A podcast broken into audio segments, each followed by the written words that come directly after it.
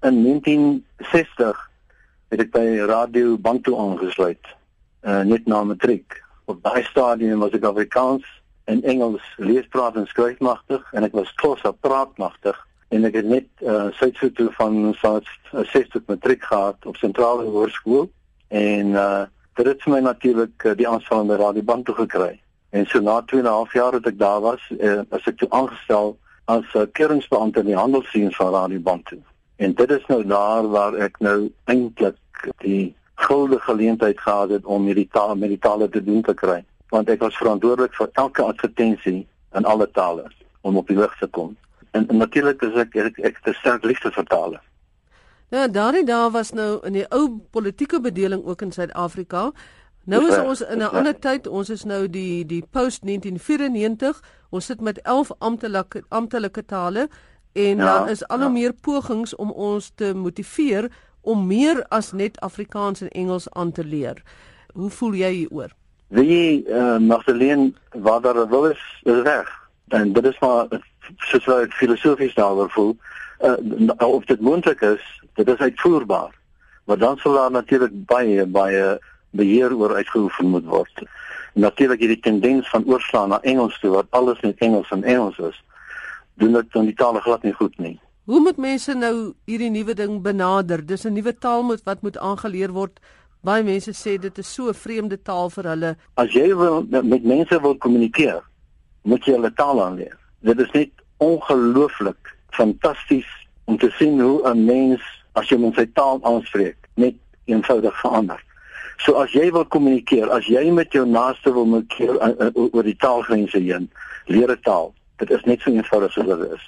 Wat is jou ervaring? Wat is die voordele daarvan wat jy nou al gesien het van 1960 af tot nou om byvoorbeeld sewe van die Suid-Afrikaanse tale baie goed te kan skryf en praat en verstaan en dan 11 in te kan kommunikeer. Dit is die, die, die waar jy ook al gaan, kry jy natuurlik voorkeurbehandeling uiteindelik. Dis maar net dis nou een van daai dinge. Jy, jy open mense se harte. Kyk maar hoe voel jy en ek as hier 'n ou van 'n ander taalgroep jou taal baie mooi praat en vir jou groet. Die mense kyk daarna en sê jy kyk hierdie ou het ten minste moeite gedoen om my taal te leer. daarmee ge, gepaard gaan natuurlik respek. As jy die mense respekteer, dan sal jy baie daar sê alles probeer doen om beter met hom te kommunikeer.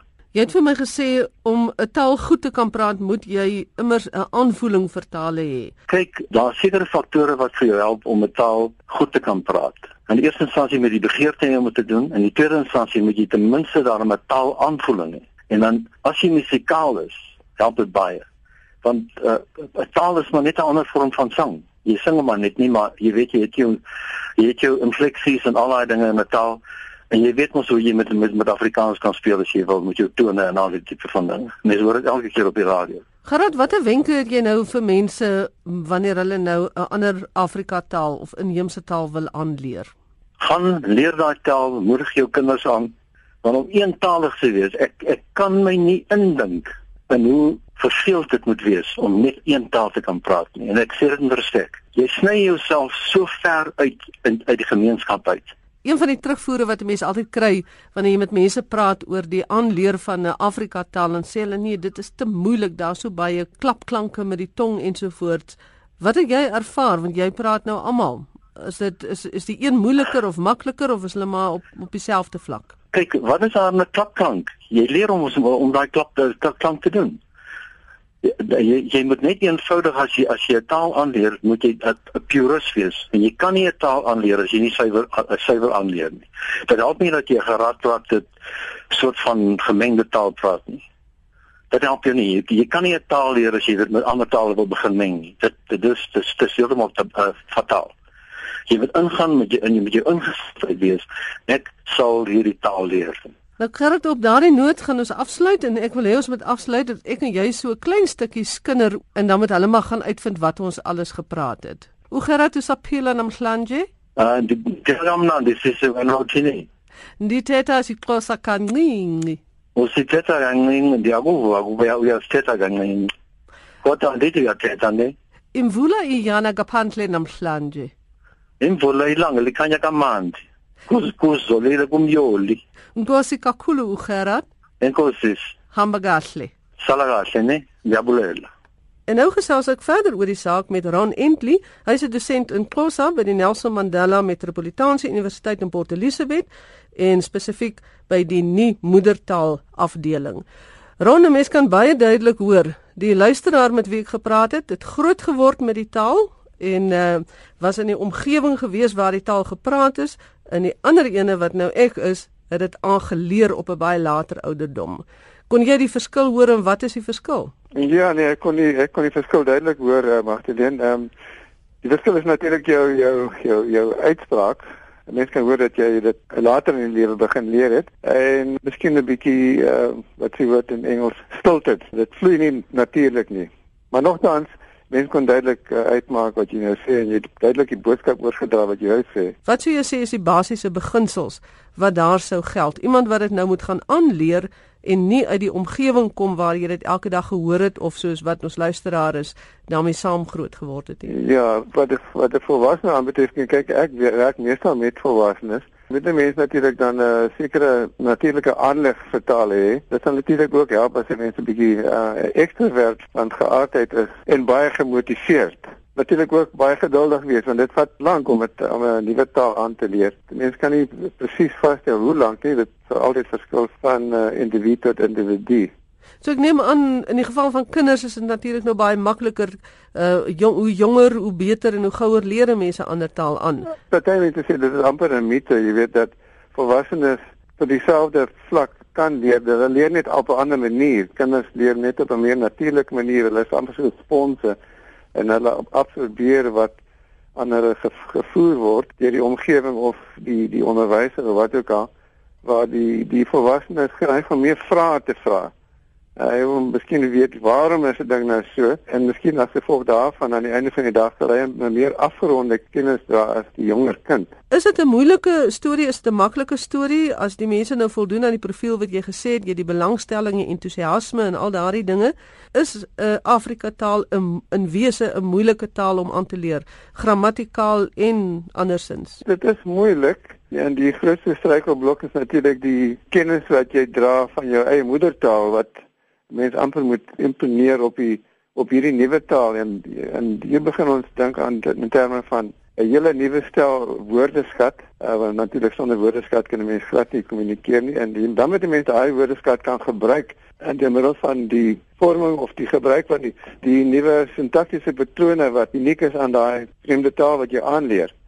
En dan natuurlik wat ook 'n probleem is met Afrika taal is dat toon uh betekenisdraende elemente van byvoorbeeld soos Xhosa. Twee woorde wat presies dieselfde gespel word maar verskillend uitgespreek dra natuurlik 'n heeltemal ander betekenis.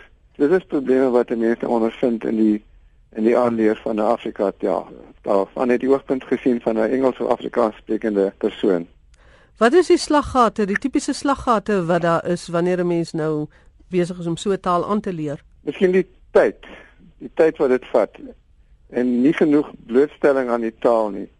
Jy weet, mense kan dit informeel leer, soos miskien soos daardie persoon wat met wie jy daai kort onderhoud gevoer het, uh waar jy in die, om, in die gemeenskap ingaan en jy dompel jouself amper in die taal en jy eet, leef, slaap, jy slaap die taal of jy moet leer dan op 'n meer formele manier in die klaskamer en daar is daar nie altyd genoeg kontaktyd met die taal beskikbaar nie. Mens kry baie van hierdie kursusse in boeke en deesdae ook op die internet waar 'n mens dan 'n Afrika taal kan aanleer. Is dit 'n goeie manier om dit te doen? Dit sal beslis help, maar ons het nou ondervind dat en wat ons by die universiteit doen by NMME is dat ons die klaskamer interaksie met tegnologie kombineer in die vorm van wat hulle nou noem uh, blended learning. Met ander woorde, die um, student of wie ook al woon 'n klas by en dan kan hy of sy weer daai selfde klas op die internet gaan sien en hersien en oefeninge doen en so voort want elke al die lesings word in videovorm daar aangebied.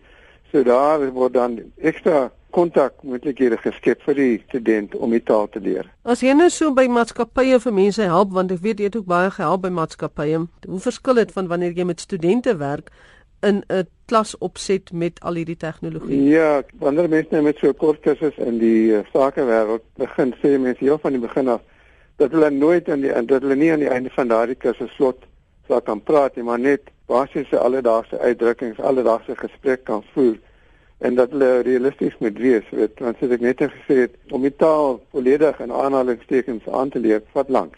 Mens kan dit nie in in 3 maande of 6 maande doen, dit is onmoontlik. Dis natuurlik baie belangrik om dit gedurig te hoor. So jy moet dit gaan toepas en jy moet tussen mense beweeg wie se moedertaal dit is. Wel, dit is die, dit is die ideaal. Maar dit is nie altyd altyd moeilik nie, onmoontlik nie, want soos en, en daarom probeer ons nou kompenseer vir die mense by die universiteit om hulle dan ten minste daar die ekstra kontak in middel van die internet of die video te gee.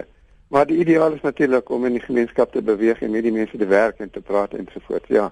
Dit was dan Ron Entley, hy's 'n dosent in Khoza by die Nelson Mandela Metropolitaanse Universiteit in Port Elizabeth, spesifiek in die nie moedertaal afdeling. En nou sluit ons af met ons taalspelletjie saam met Gerard van Huisteen. En dit gaan oor afkortings. In hierdie geval gee ek vir jou die woord en jy moet sê wat die afkorting is met punte, sonder punte ensovoorts. En daar is 'n aantal komplekse afkortings wat aan die bod kom. Die eerste ene: dokters, professore, been voor paaltjie beslissing. Nie regeringsorganisasies. Let op die meervoud: nie regeringsorganisasies. Persoonlike identifikasienommers. Televisieadvertensie elektroniese pos. En ten slotte honderdste. En vir die laaste ene mag jy gerus syfers gebruik. Om ons te help met hierdie vrae, het ek vir professor Johan Anker, ondervoorsitter van die Taalkommissie en dosent in Afrikaans op die Wellington kampus van die Kaapse Skiereilandse Universiteit van Tegnologie, gevra om ons te help. Goeiemôre Johan. Môre Gerard. Kom ons spring weg met dokters en professore. Ja, dit is die meervoude nou van afkortings wat soms mense probleme gee. Nou in Afrikaans het ons die gewone meervoudsvorme met die e of die s soos in meeste van die woorde, maar by afkortings kan ons ook dikwels daardie laaste letter verdubbel. So by dokters het ons byvoorbeeld die keuse om dit DRS of DRR te gebruik.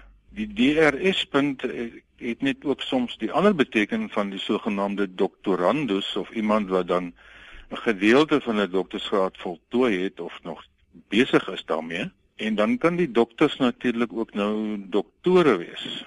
Maar in elk geval ons het die dubbel meervoud daar of DRS punt of DRR punt.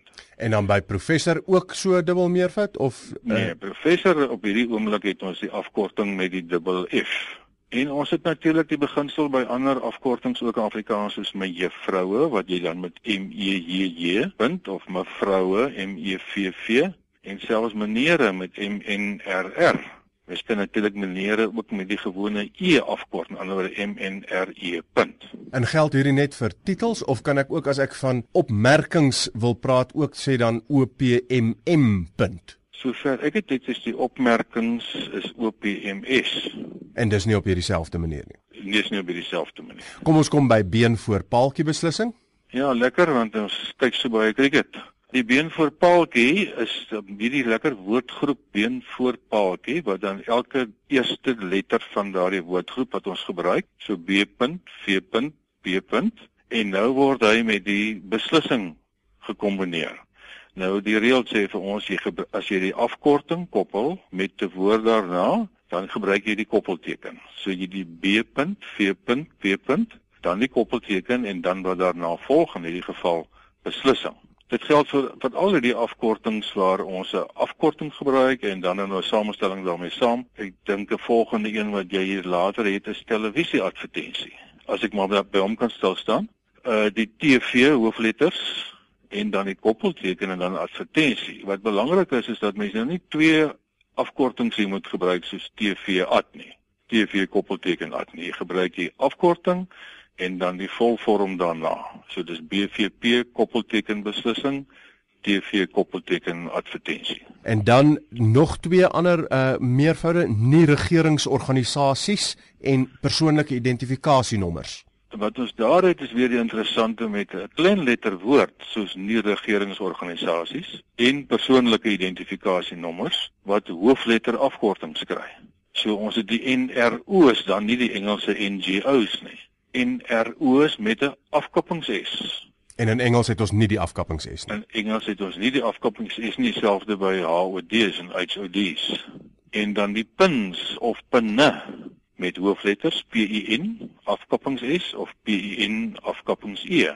Omdat in daai geval gebruik ons die laaste letter, die O, wat dan 'n oos is of die n en die n kan in Afrikaans twee meer van hê want ons praat van enne of ons kan praat van ns soos ons het ook die OTM OTM met 'n afkappings e of OTMs want ons sê in Afrikaans daar's twee m'e of dis twee m's.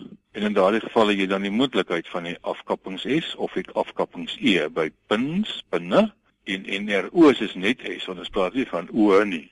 Ons praat van o's. En ek dink die belangrike ding is hier dat ons nie soos in Engels dit vasskryf aan die akroniem nie uh, of die afkorting nie, maar met 'n afkappingsteken. Kom ons kom dan by elektroniese pos en klomp ander elektroniese goed, né, soos uh, elektroniese onderrig of uh, elektroniese bankwese of uh, elektroniese boeke ensovoorts.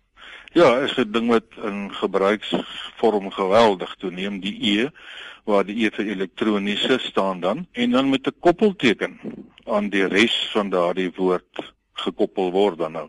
So die E staan daar sonder 'n punt en dan die koppelteken en die res is vas. Nou e-posse gaan dan wees E koppelteken posse. Dan die res word vasgeskryf. E koppelteken posadres.